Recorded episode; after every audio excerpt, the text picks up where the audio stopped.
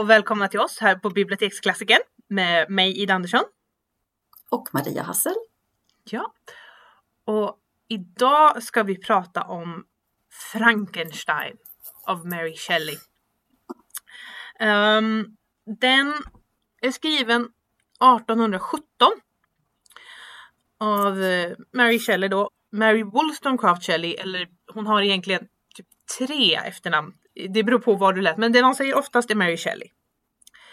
Och den har en liten intressant eh, tillblivelsehistoria för den, alltså hon, Mary Shelley, hon eh, hade ett väldigt intressant liv. Hon hade väldigt intressanta föräldrar. Framförallt hennes mamma var, är, är känd i sig själv, Mary Wollstonecraft, som är en väldigt stor eh, figur inom feminismen. Han har skrivit eh, Eh, ett traktat om det. Men hon, hon dog eh, av komplikationer vid Marys födelse. Så att Mary Shelley kände, kände aldrig henne. Men eh, när, hon, när Mary Shelley själv blev eh, äldre så träffade hon ju då Percy Shelley som hon gifte sig med. Och som hon rymde med för han var egentligen gift med någon annan men de rymde och levde tillsammans och sen till slut gifte de sig i alla fall. Um, det var lite av en skandal. Uh, så de drog ut, de, de reste en del. De var på resa med, då var det då Mary Shelley och Percy Shelley och sen Marys halvsyster och Lord Byron. Och, eh, och någon annan, nu kommer inte jag ihåg, han var, eh, han var läkare tror jag som också var med i det här gänget. Och de var då ute på eh, en sån här turné av Europa som rikt folk gjorde, rikt bohemiskt folk gjorde på där eh, början på 1800-talet.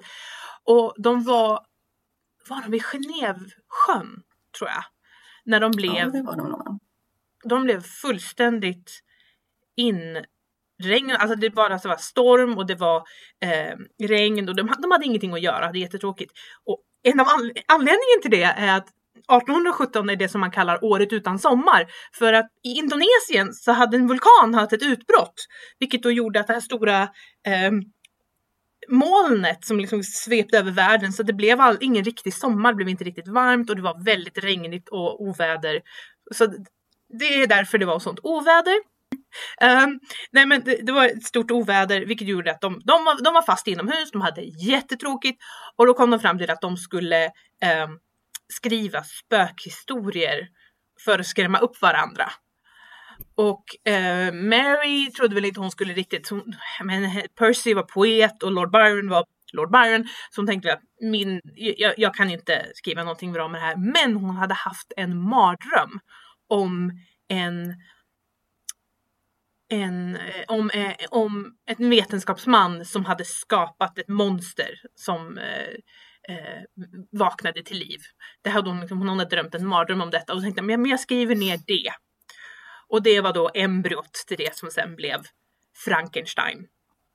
Som ju är en, en, en, gotisk roman och um, en del säger att det är den första science fiction romanen. Att hon är den första mm. science fiction författaren. Mm. Uh, vilket, ja, det kan jag tro på. Um, men ska, vad, vad händer i Frankenstein egentligen då? Nej, vad händer? Den är, den är väldigt märklig den här berättelsen och jag var tvungen, jag läste den och eh, sen var jag tvungen att liksom nästan börja om igen och bläddra på vissa ställen och se vad var det egentligen jag var med om. Mm. Eh, för det händer väldigt mycket. Men nu ska vi försöka ta lite kort här vad som händer. Eh, det är inte så lätt, men vi gör ett försök. Eh, man kan väl säga att den börjar ju uppbyggd som en eh, brevroman först, att det är en eh, upptäcktsresande, Walton heter han ja, ja. Eh, som är på väg med en stor expedition till eh, Nordpolen. Och han skriver då brev hem till sin syster och han för också liksom dagboksanteckningar. Men under den här resan då så eh, träffar de på en man ute på isen som är väldigt medtagen. Eh, och han har bara en hund kvar i sitt hundspann, de andra har dött. Och eh, de plockar upp den här mannen på båten. Eh, fast innan han går med på att hoppa upp på båten så frågar han vart de är på väg, vilken riktning. Och då säger de ju norrut och då är han fine med det och tycker att ja, men det är rätt håll. Och det visar sig vara då herr Frankenstein, heter den här mannen. Eh, men han är väldigt medtagen och blir liksom omskött på båten och det tar ett tag innan han liksom blir återställd. Men sen börjar han då berätta för Walton om sina, ja, vad han har varit med om och varför han är där ute på isen och allting som har hänt innan, alla hemska olyckor och allting. Eh, och eh, han berättar då att han eh, har studerat väldigt mycket, eh, främst naturvetenskap och han läst kemi och anatomi och verkligen gått in för det här. Och han har lyckats då skapa liv. Så han har då gjort en grotesk skapelse, ett stort monster, en demon eh, som då har fått liv. Och eh, när han eh, när han kommer till liv, den här skapelsen, så, så, inser, så, så grips ju Frankenstein av fasa och liksom inser liksom, hjälp, vad har jag gjort? Och blir rädd för den här eh, skapelsen. Så att han, eh, han flyr kan man väl säga. Han springer därifrån i alla fall. Och lämnar det här åt sitt öde. Eh, och eh, han, eh, det går ju ett tag i alla fall. Men sen får han ett brev eh, med sorgliga nyheter att hans bror, lillebror som är ganska mycket yngre, han har dött under lite mystiska omständigheter, eh, har blivit mördad. Eh, och det underliga är ju att de har då eh, anklagat en, en ung flicka för det här mordet. För att de hittar liksom bevis på henne, tycker de. Och det är då en liten eh, medaljong, ett, ett litet porträtt av eh, lillebrors eh, mamma kan man säga. Jag, jag fattade aldrig riktigt hur det såg ut men jag antar att det är en liten medaljong med foto i eller av Ja, en avbildning. Sånt. Ja, precis en avbildning av henne. Den här vackra mamman då och eh, det visar sig att den här unga flickan har den i fickan. Vilket man då tycker är ett bevis på att det är hon som har dödat den här pojken. Eh, men när då Frankenstein får höra detta då blir han han blir ju genast övertygad om att det är det här monstret, det är demonen som har begått det här mordet. Och han försöker ju liksom få de andra att förstå det, men det går ju inte så bra. Så den här flickan, vad heter hon, Justin? Ja, ja. hur som helst. Hon blir ju i alla fall hängd. Och eh, det blir ju inte så bra. Det känns ju helt fel för den här stackars Frankenstein och han är upprörd. Eh, så han ger sig ut och vandrar. Han åker upp i bergen, för mig, och vandrar runt och eh, ja, grunnar väl över livet och allt vad som händer. Och då ser han där uppe i bergen en stor gestalt som springer runt och rör sig väldigt lätt i naturen. Har väldigt lätt för sig att ta sig fram och så här. Och det är ju den här demonen, det här monstret. Och nu kommer jag inte ihåg riktigt, men de monstret kommer i alla fall fram till Frankenstein vid något tillfälle. Och eh, Frankenstein vill ju inte liksom ha med honom att göra, men monstret vill ju att, eh, vill berätta sin historia, vad som har hänt. Så han ber om en, om det är en dag eller ett dygn i alla fall, låt mig berätta. Eh, och eh, jag tror det också är dåligt väder och allting, de är instängda i någon hydda eller någonting. Det är lite underligt sådär. Så att, mm. eh, I alla fall så får han ju lyssna då till den här monstret, vad han berättar. Och där hade jag ju lite svårt för att jag tänkte, jaha, hur kan han prata nu? För han kunde ju inte prata då när han eh, blev till liv så att säga. Då gjorde han bara konstiga ljud och så här. Så det blev lite konstigt så här, men det får man faktiskt en liten förklaring sen hur det kommer sig. Eh, så i alla fall, han berättar då det här själva monstret att han, eh, han har ju liksom varit ute i naturen och försökt lära sig saker och eh, iakttar folk. Men han blir ju liksom, människor är ju rädda för dem för han ser så grotesk ut. Så att han får ju liksom aldrig komma nära, han får aldrig komma in i någon gemenskap eller någonting. Men på håll försöker han ändå lära sig. Här är det väl så också att han, eh, han träffar ju nej, han räddar en flicka från att drunkna. Så är det.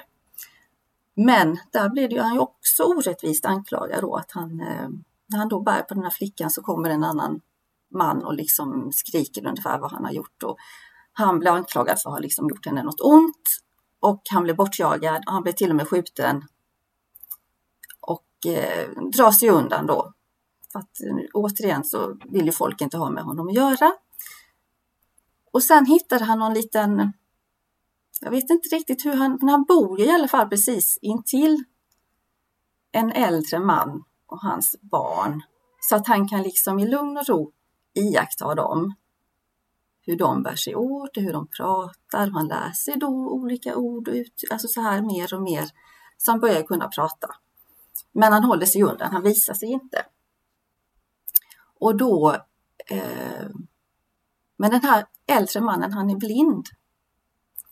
Eh, så efter ett tag när han är ensam hemma, den här blinda mannen, då ser ju monstret sin chans att nu kanske jag kan få komma och prata med honom och liksom lära känna honom och visa att jag inte är så farlig. Så, så tolkar jag det i alla fall.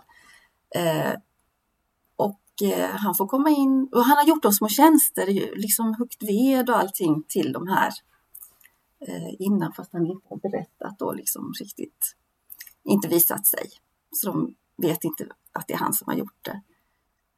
Men i alla fall, han sitter och berättar där för den äldre mannen som är blind och inte ser hur han ser ut. Så kommer väl barnen hem igen. Och då blir de också grips av fasa av det här hemska, groteska monstret som är där och eh, han blir bortjagad igen och springer därifrån. Så han liksom blir ju mer, han blir ju liksom hämndlysten på något vis. Han får ju liksom aldrig vara med i något sammanhang, han är liksom bortstött och han blir anklagad för saker. Det här stackars monstret, för det är ju faktiskt synd om honom tycker jag. Han eh, får ju liksom ge sig av igen och är borta. Och då vid något tillfälle så stöter han ju på en pojke. Och eh, då känns det som att han, han vill liksom kidnappa den här pojken för han vill inte vara ensam längre. Så att han vill liksom plocka med sig honom. Och pojken skriker och vill ju inte alls. Och säger också vid något tillfälle att jag är herr Frankensteins son. Och då monstret blir ju helt till sig att ja, men då är du min fiende. Och liksom pojken skriker och han tar tag om hans hals och pojken dör. Och då hittar han ju den här medaljongen på pojken, på den här vackra kvinnan, hans mamma då. Så monstret tar med sig den här medaljongen och sen går han iväg och så hittar han den där sovande flickan Justin då och stoppar porträttet i hennes ficka. Så det är så det går till. Eh, Sen då... är vi ungefär framme när han träffar eh, Frankenstein. Ja, just det. Precis. Han har, han, eh, han har ju ett önskemål till, eh, till ja, Frankenstein. Precis, det är själva poängen. Ja, han träffar på honom och vill ju då att Frankenstein ska göra en livsledsagerska till honom som är lika grotesk och hemsk som han själv. Så han kan liksom ja, slipper vara ensam längre. Men det vill ju inte Frankenstein. Han tycker ju det känns fel och men då hotar ju demonen med att ja, men då kommer jag att döda dina vänner och så här om du inte gör detta och jag vet inte om han får någon tidsfrist eller så, jag kommer inte ihåg det. Men eh, till slut så är Frankenstein, han gör, börjar ju på det här och gör ett, en ny skapelse. Men han har ju mycket grubblerier där om det verkligen är rätt. Så han tar sönder skapelsen igen, sliter det stycken. Och kort därefter så är ju hans eh, gode vän blir mördad. Och eh, han, eh, han gifte sig ju sen också och hans nyblivna fru blev också mördad på bröllopsnatten.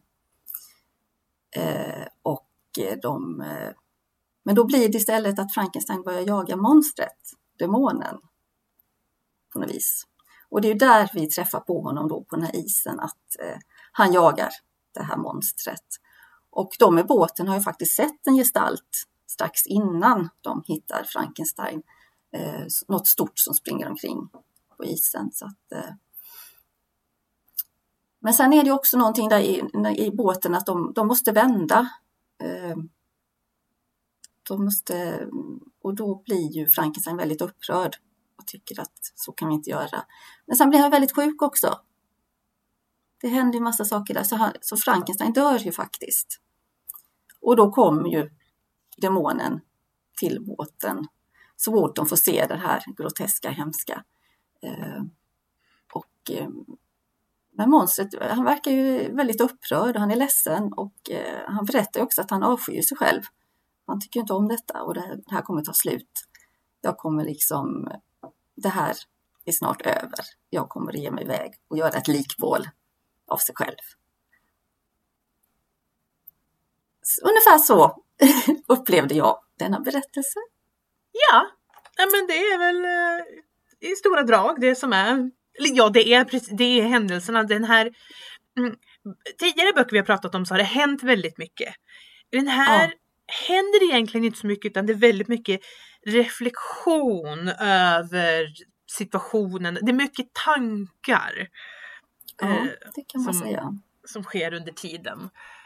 Frankenstein tänker jättemycket. och även ja. monstret. De filosoferar väldigt, väldigt mycket. Ja. Om sig själva och om situationen. För den här är ju, det är ju en brevroman. Men det är också en sån här, först är det Walton då som berättar för sin syster. Och han berättar vad Frankenstein berättar för honom.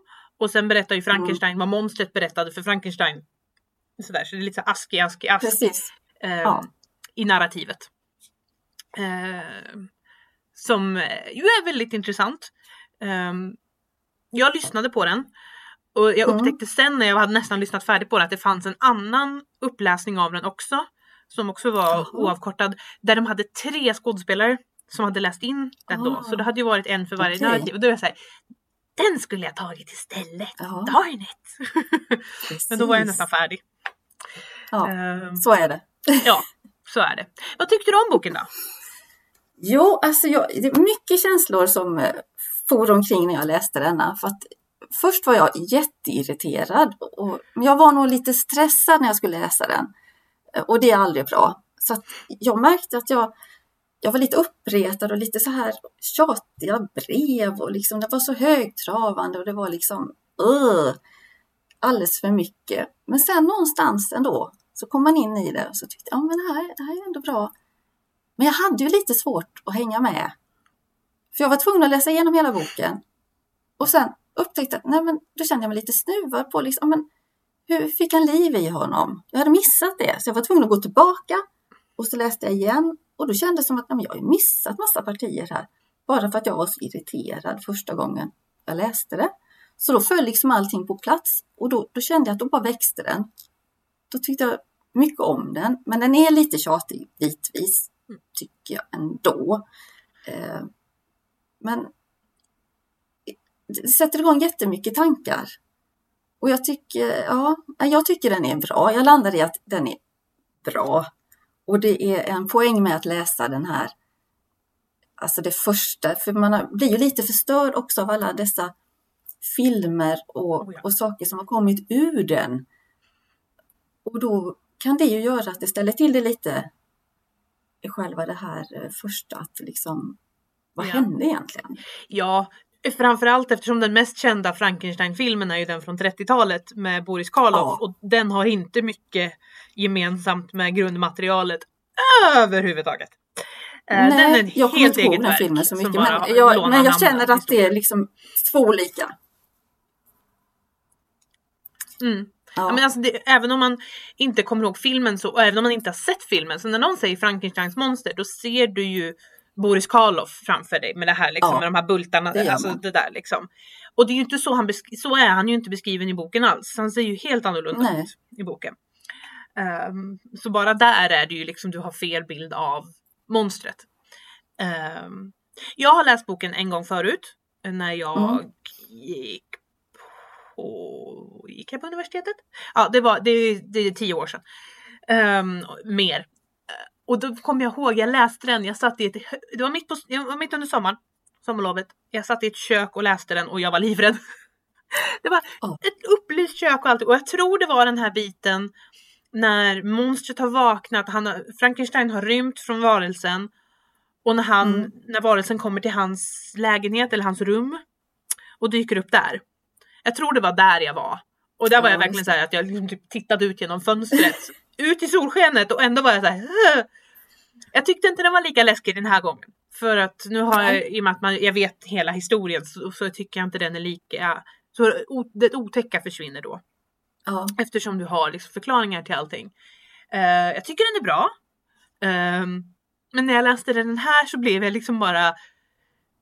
Jag gick bäst runt och var väldigt arg på Frankenstein.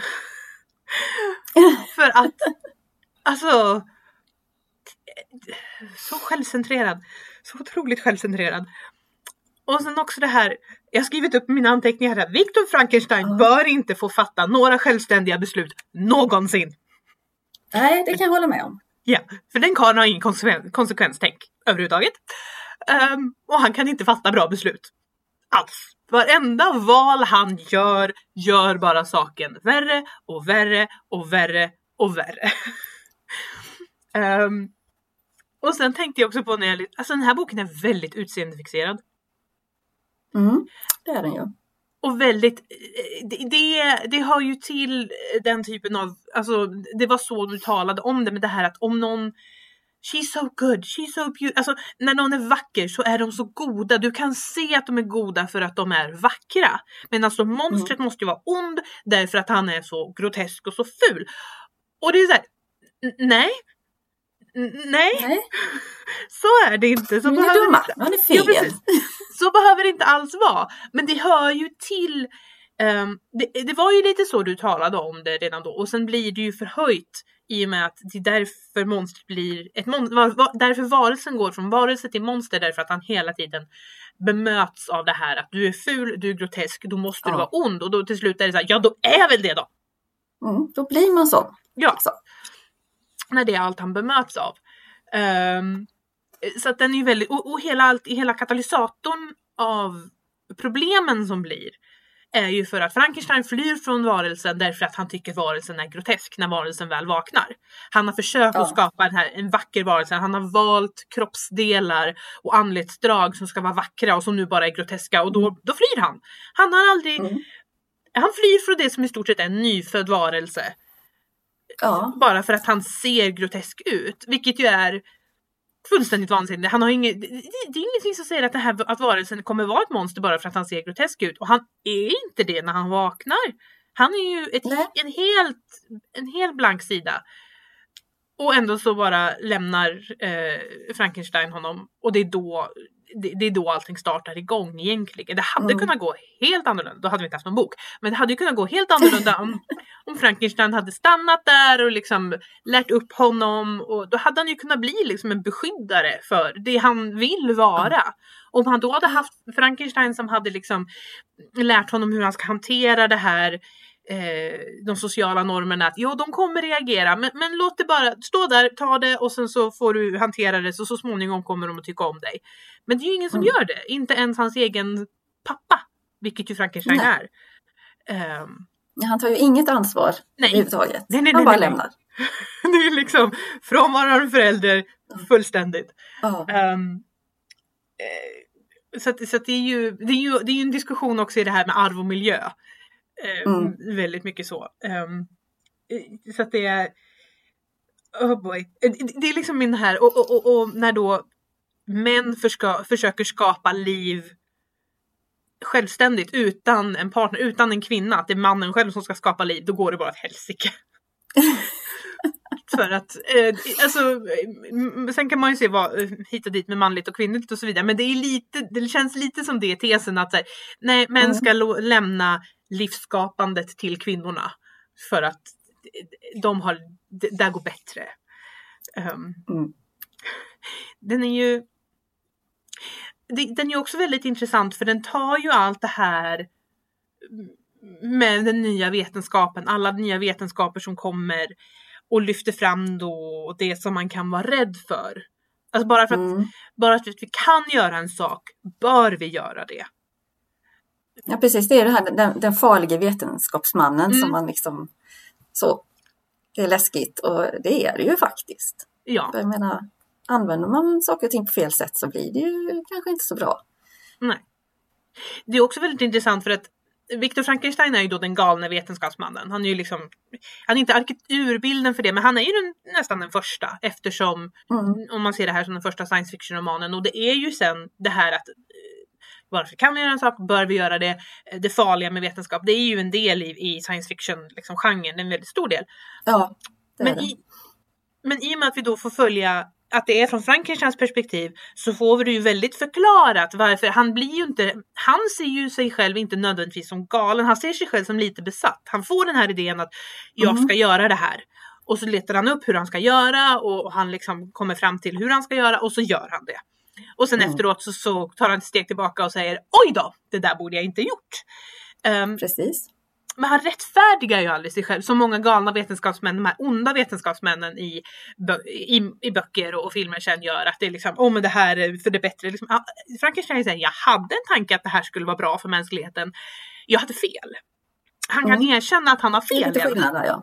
Ja, Mm. det måste man ju ändå säga. Att Frankenstein kan erkänna när han har fel. Sen lär han sig nästan ingenting från det. Ehm, Nej, det steget tar han inte, nej. Men bara det här. ehm, jag kommer inte ihåg hur jag tänkte när jag läste första boken, om jag kunde se att det här skulle hända. Men när jag, när jag läste det nu, då var jag så här, okej. när, för när, när Frankenstein förstör sin andra skapelse Ja, och monstret kommer och säger du har gjort det här nu. Och nu är du min fiende och eh, han säger jag kommer vara med dig på din bröllopsnatt. Det är det han säger. mm. Mm. Och varav då Frankenstein tolkar det som att han kommer ha ihjäl mig på min bröllopsnatt. Mm. Men det är inte det som sker, utan han har ju ihjäl, eftersom Frankenstein hade ihjäl monstrets livspartner, så har monstret Precis. ihjäl Frankensteins livspartner. För det Ja. liksom är rättvist. Och det Mm. ser ju inte Frankenstein överhuvudtaget. Han lämnar ju till och med rummet där hon, han lämnar henne själv i rummet därför att hon inte ska Ja. behöva se när han ska slåss mot monstret. Och, och då är det så här, ehm, kanske... Där blev jag väldigt irriterad. För det var så dumt. Det var upplagt liksom bara, hallå? Ehm. Men du, eh, när du läste den första gången, märkte du, tän- tänkte du också att nej din dumme, det är inte dig han kommer ha ihjäl, det, det är liksom, det är Elizabeth? Eller var du, blev du Ja, liksom, men, men jag läste ju dem väldigt tajt, tajt nu liksom. ja, Ja, precis. Men däremot så läste jag ju den på engelska för många herrans år. Men då förstod jag nog inte liksom. Jag kommer inte ihåg någonting egentligen. Alltså vissa partier kände jag igen när jag läste det nu igen. Att ja, just det, jo, men så var det. Men jag hade liksom inte knutit ihop allting. Så att jag vet inte hur jag tänkte då. Faktiskt. Det, det kommer jag inte alls ihåg. nej, Om man såg den tendensen. För här var det jättetydligt nu i alla fall att man bara, jaha, men kunde du inte fatta det? ja. Och det är det jag menar med han är självcentrerad, han kan bara tänka att det är Ja. mig han kommer, alltså, sen säger han ju liksom att ja, jag kunde se det sen, hans monstruösa plan. Och så här, ja, fast om du hade tänkt två steg till så hade du kunnat klura ut det. Eh, för varför skulle han annars inte haft ihjäl dig med en gång? Men okej, okej, du, du är en, en självcentrerad liten vetenskapsman som tror att han har rätt ända fram tills han inser att han har fel. Hela tiden. Ja. Eh, Frankenstein behöver en förmyndare. Just det. Alltså, really? Uh, han, han, man får ju följa hur han liksom tänker igenom det här när han gör sin andra skapelse. Som du säger, han, han grunnar. Ska jag göra det här och allting? Och, för monstret har ju sagt att Mm.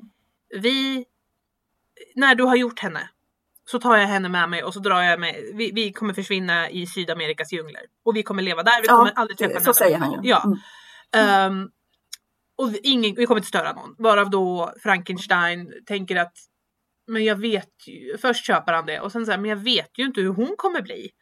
Hon kanske inte Nej. alls kommer följa eh, vad monstret säger att hon ska göra. Hon kanske vill göra Mm. andra saker och sen kanske de får barn tillsammans. Åh Ja. nej, åh nej, det är ju ännu värre. Då är det så här, lilla vän, du har skapat henne. Ger du henne reproduktionsorgan nu? Eller du, du, du kan faktiskt kontrollera. Det, det är... Kan vi styra lite? Ja precis, det är lite, det är lite så iffy. Men det är så här, du har med andra ord Mm. ingen aning om hur barn blir till. Eftersom du bygger en kvinnokropp. Men du är rädd att hon kan, kanske ska få barn. Ge henne ingen livmoder då. Du, du kan undvika det här. Hon kommer inte kunna växa den själv. Och ja, det kan man, då kan man prata i genetik och allt möjligt sånt där om att tvångssterilisering och så vidare. Men i den här situationen när du har skapat en varelse som du inte vet vad som kommer bli och du är rädd att de kommer skaffa barn, gör henne steril. Men ändå, så det, det är ju lite därför han bestämmer sig för att förstöra henne, vilket ja, han, han, det är ju inte intressant för han kommer ju fram till att hon kommer ha en egen vilja, hon kommer ha en egen tankebana, hon kommer inte vara styrd av sin livspartner. Nej. Och därför har, kan hon ju inte gå på löftet av livspartnern vad som ska hända. Um, vilket är, han ger henne en agens och därför har han Mm. ihjäl henne. Um, det, det är lite, Fattar ingenting. Nej, men det, det är lite han tänker lite, det är lite, det är lite kring kring, det går lite kring kring i Frankensteins huvud och jag, jag, kan förstå resonemanget och sådär. Men samtidigt är det ju också det här att han har ju sett varelsen, sin skapelse som ett monster ända från början. Och det är han ju inte. Han blir Nej. ett monster för att Frankenstein lämnar honom. Och han, men, men Frankenstein ser honom ju som ett monster hela tiden. Han kan, eh, även sen när han, när han ligger på sin dödsbädd och ber Walton att ha ihjäl monstret åt mig, lova Mm. mig. Och säga att han kommer manipulera dig, han kan prata om... Så att Walton är, Walton är ju lite så här när han väl träffar monstret sen så är han ju så här att ja, jag t- det han säger låter bra men han är ju en mästermanipulatör. Mm. Alltså, istället, det in, ingen tror på varelsen. Någonsin. Nej, han får inte en chans Nej. liksom. Det är bara Um, stopp. Usling ja. säger de hela tiden. Usling, Ja. bort med dig. Och det, usch. det, men i texten är det lite intressant för att jag tror, nu kommer inte jag ihåg, jag tänkte på det men jag, kommer, jag, jag har inte dubbelkollat. Men jag tror inte, jag tror den är betraktad som, eh, på engelska, jag lyssnade på den på engelska och jag tror den han, Mm. att han kallas för creature. Ända fram tills dess att William blir mördad och då börjar de kalla honom för monster och demon. Aha. Men innan dess är han creature, wretch säger de ju också, vilket väl är Mm. usling antar jag i Mm. översättningen. Och det är ju på ett sätt illa, men han är ju inte ett monster och demon förrän han faktiskt har ihjäl någon. Innan dess så är han varelsen. Uslingen möjligtvis, men å andra sidan kallar ju sig eh, han kallar sig själv för a wretch och det kan ju vara att man mår dåligt Ja. också och Frankenstein kallar sig själv också för wretch. Eh, Mm. Wretched och wretch. Ehm, och det är ju lite intressant för att han är ju inte, det är ju det här, ingen föds ond, inte ens någon som föds som en fullvuxen människa i grotesk storlek. Um, Nej. So it's, ja, it, it, it's, um, det, det, den, är, den är intressant. Och det är mycket är tankar. väldigt intressant. Ja, det är mycket tankar som snurrar när man, när man eh, läser den. Mm. Och, och jag, jag tycker, jag var, jag var större delen, jag var irriterad, jag var irriterad på Walden. Där i början, för han blir så jätteförtjust i Frankenstein. Säger de, och det här, Ja, men han var helt betuttad, eller han var ju helt hänförd. Och och där blev, ja, jag blev också irriterad. Jag tänkte, va? Bara för att oh, men han är är, så... Frankenstein är så belevad och han är så vacker. Han är, återigen, han är så vacker. Och, och det är så här, du har ingen aning om vem den här människan är. Ingen alls. Nej. Ingen alls. Men du är, det är liksom, det här är din vän. Du önskar att ni kan vara vänner för alltid. Och man var lite så här, oh boy. För anledningen till att Frankenstein börjar berätta hans historia är ju för att Walden, han de ska leta efter Nordvästpassagen, tror jag. Det är det de, deras uppdrag är på båten. Det är nog det, ja. Mm. Och det är liksom så här vetenskapligt så, varav då Frankenstein, oh du ska höra vad jag har berättat så kanske du kan fundera på. Och det är så här, fast nej, leta efter Nordvästpassagen är inte riktigt lika illa som att skapa en varelse från scratch. Det är inte samma sak. Nej, men, men, men, Det går inte att jämföra. nej, men okej, vi, vi, vi köper den till att du ska börja berätta. Och, och sen när han berättar om, om sitt liv, väldigt långdraget om sitt liv där innan han ens åker till skolan, om sina föräldrar och sina syskon och, och sin kusin då som han sen Mm. gifter sig med. Eller ja, hon är ju adopterad så Ja. det är inga, inga biologiska band. Men ändå, de, de har vuxit upp tillsammans. Jag tycker det är lite så här. Och deras föräldrar tyckte att de skulle gifta sig med varandra. Det- Oh God. Det är en annan historia. Mm. Ehm, och sen när han berättar om sin skolgång och allting väldigt långdraget, väldigt, väldigt irriterande. Och sen så sin, han, sin besatthet. Alltså jag tycker han var så irriterande. Och sen när han väl har skapat monstret och när han liksom bara lämnar, eller skapat varelsen och bara lämnar honom, då blev jag ännu mer, eftersom jag vet vad som kommer hända sen. Och det är verkligen när han sen bara Mm. flyr av egentligen ingen anledning bara för att åh vad ful han var. Och, och är Mm. verkligen så här, du har gjort honom. Du har ett ansvar här, men han tar inget ansvar någonsin. Men sen när väl varelsen får berätta och då vet man ju att ja, men han har ju mördat William och det är för hans fel att Justine är död. Ehm, men det är ändå så här att han, han var ju mycket mer sympatisk. Mycket, mycket, mycket mer sympatisk. Och han tar ju ansvar för vad han gör. Mm. Han kan ju säga att det är på grund av det här, men jag gjorde det. Det, det är liksom... Eh, han skyller inte nödvändigtvis på någon annan. Och, så han är ju... Varelsen är ju mycket, mycket, mycket mer sympatisk än vad Frankenstein är. Ehm, Ja, det får man ändå säga. Tycker jag. Ehm, och det ska, äh, det ska man väl egentligen tycka att han är också. Det är väl meningen, ja. Ja. Lite så med själva boken. Jag tror det att det, du ska inte tycka om Frankenstein. Även vad de... eh, hur- det... Även om han är så vacker och, och Ja. bra och allting så, nej, Ja, han är fegis. ja det är han. Ja. Det är han. Ehm, men det är, det är väldigt intressant. För det, är det, här, det här är ju klassiska, vad är, vad är texten och vad är undertexten? För i texten så Mm. beskrivs ju Frankenstein som god och vacker och liksom den du ska tycka om. Men sen när man liksom Mm. kollar på det, det så, fast nej, han beskrivs Inte riktigt. när du tittar på hela, liksom, nej du ska nog inte tycka om honom i alla fall. Även om det är det folk säger. Så är det ändå inte. Nej, han, om man tittar på vad han gör.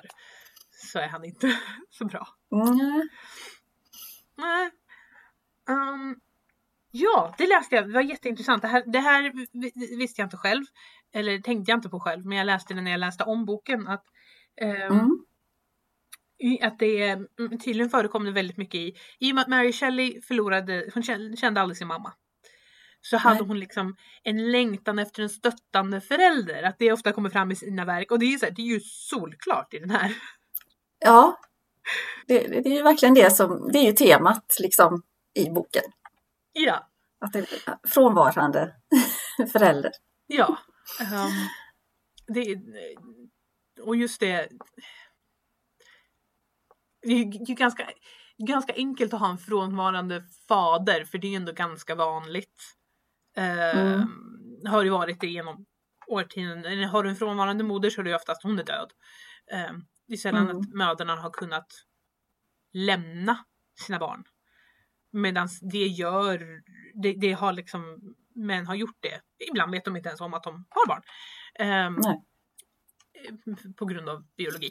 Eh, och det här är ju lite så att det, ja, Frankenstein skapade liv, han skapade ett barn. Och sen eh, såg han barnet och insåg att oj, det här har jag ganska mycket ansvar för, det vill jag inte ha. Och drog. Nej. Ehm, typ. Ehm, sen blir han ju sjuk. Han blir ju sjuk hela tiden. Han får ju de här Ja, feberanfallen eller jag vet inte, delirium. Han ligger och är helt väck. Um, ett par gånger, delvis efter det här, han, men han blir ju så chockad av varelsen så då faller han ju ner i det och sen blir han ju sån efter det att varelsen haft ihjäl hans vän Henry. Där. mm. Då får han ju också någon form av deli. Alltså en, en skörare människa får du leta efter. en liten klenis. Lite grann Ja. så, ja. Ehm, lite, lite sådär. Och att han då tror att han ska kunna ha ihjäl den här varelsen som han har skapat för att vara övermänsklig. Det Ja, intressant. det hade ju varit intressant att se hur det skulle gå till. Ja, det, Ja. Ja. Jag, jag, jag, jag, tror inte, han har inte bra odds där. Nej, I don't think so. knappast. Ehm, har du några, eh, har du någonting specifikt du tänkte på? Nej, har, det, det, var, det var så mycket tankar så jag har liksom inte riktigt... Eh, eh, jag vet, jag tänkte då när eh, han skulle skapa den här, ja, hans livsledsagerska. Eh, då tänkte jag redan där, liksom, ja men tänk om inte hon om hon inte vill ha eller monstret, demonen då, liksom, utan hon kanske liksom vill ha någon annan. Eller kanske blir kär i Frankenstein eller vad som helst. Alltså då blir det ju så komplicerat och då blir han ju, alltså då blir det ännu mer att han blev besviken, den stackars demonen på mänskligheten och allt och livet. För han, liksom, allting går emot honom. Det är ingen som eh, han får ingen stöttning någonstans. Fast han försöker göra gott och han gör goda gärningar och han hjälper till och, och försöker lära sig så får han aldrig någon chans. Och det är bara beroende på hur han ser ut. För hade de liksom kommit lite och liksom vågat prata lite med honom så hade man märkt att han har ju liksom goda tankar, ingen elakhet från början. Och det är liksom lite intressant för det kan man ju föra fram idag, som vi har idag, att man är så rädd för den som är olik. Och det kan man verkligen se liksom likheterna med en så gammal bok då. Det tycker jag är lite intressant mm. faktiskt. Den har ju verkligen eh, resonans idag i massa olika, du kan ju plocka mm. hur mycket som helst. Det är, ja. det är lite synd att den är så där seg i början. Ja, jag tror många ger upp Alltså för hade inte jag varit tvungen, alltså jag, det var ju därför jag började liksom läsa utan att läsa och då missade jag ju massa intressanta bitar som jag sen hittade att ja men just det, så gick det till. Mm. Och det är det jag är lite rädd för att, att det är många som eh, kanske inte kommer förbi de partierna tills det börjar bli riktigt intressant. Nej. Men ge den en chans för den, eh, ja. den växer. Annars tycker jag det är ett ganska vanligt problem just med klassiker. Att i äldre litteratur så var det ofta, den är seg att komma igång. Det, det tar lång ja. tid innan du kommer in i vad som är själva kärnan. Och, och, det är därför många tycker att klassiker är tråkiga. Nej, jag gav upp. Mm. Jag tyckte, och det vill säga, mm. men det är för att den, ja, den är jättetråkig i början. Och jag är, jag är helt för det här att livet är för kort för tråkiga böcker. Tycker du mm. inte att den, om en bok inte engagerar dig från början så lå, låt den vara. Men när, man, när det är en sån här bok, men du kommer att gilla den om du tar dig igenom de här första 50 sidorna. Mm. Det, det, det, är nästan som man skulle vilja sätta så här, som klisterlappar på de där. Den, den blir bra, vi lovar! Ja. ja, men lite så är det. Eh, för att det, det, det, finns ju en del klassiker som är så här från första början. Man är liksom, mm. oh, Eh, mm. eller, alltså, den första boken vi hade, Stolthet och fördom, som ju liksom i första mm. meningen klickar in att den här boken kommer vara ganska rolig. Um, om, om, du läser den, alltså den, den, den finns lite. Uh, men Frankenstein är inte bra från början. Nej, och jag gillar ju inte oftast inte brevromaner. Alltså jag tycker det är dötjatigt. Alltså bara... Ja, nej oftast inget kul. Det finns bra men mm. så att redan där får man liksom ett par stopp. Nej!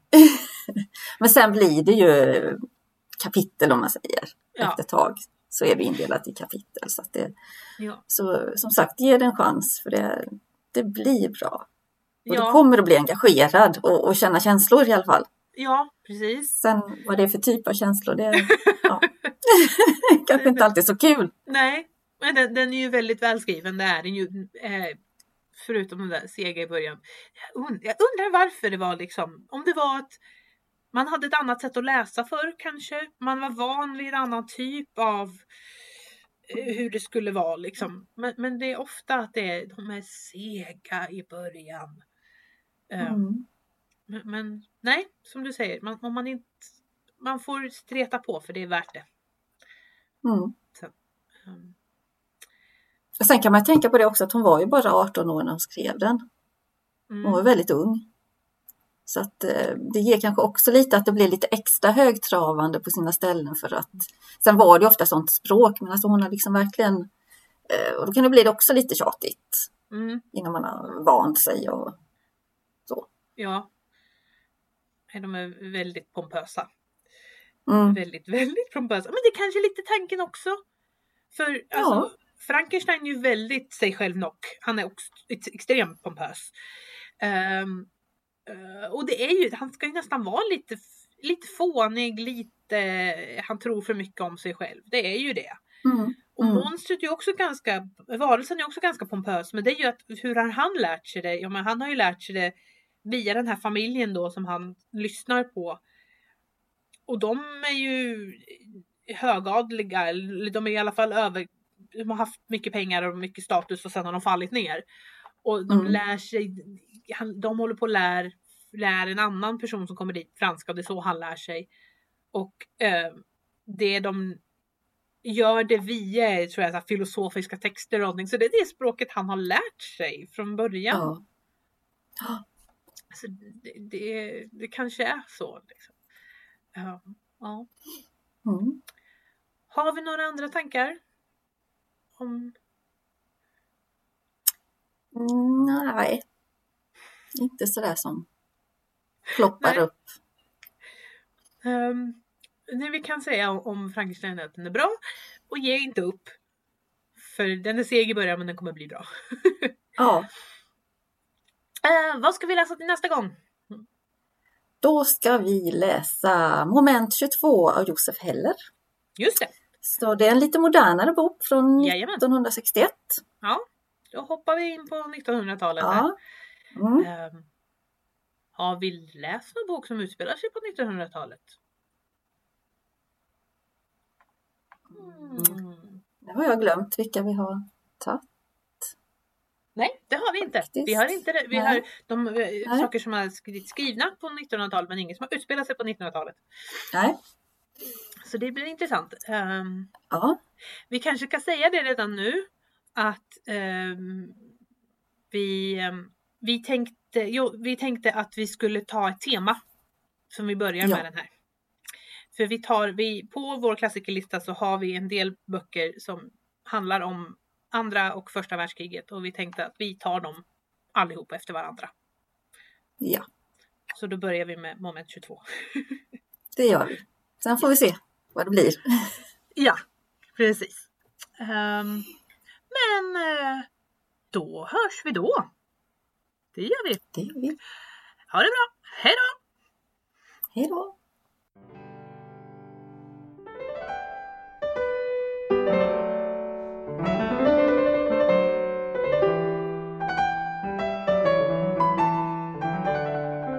Du har lyssnat på Biblioteksklassikern med mig Ida Andersson och med Maria Hassel. En podcast från Gislaveds bibliotek.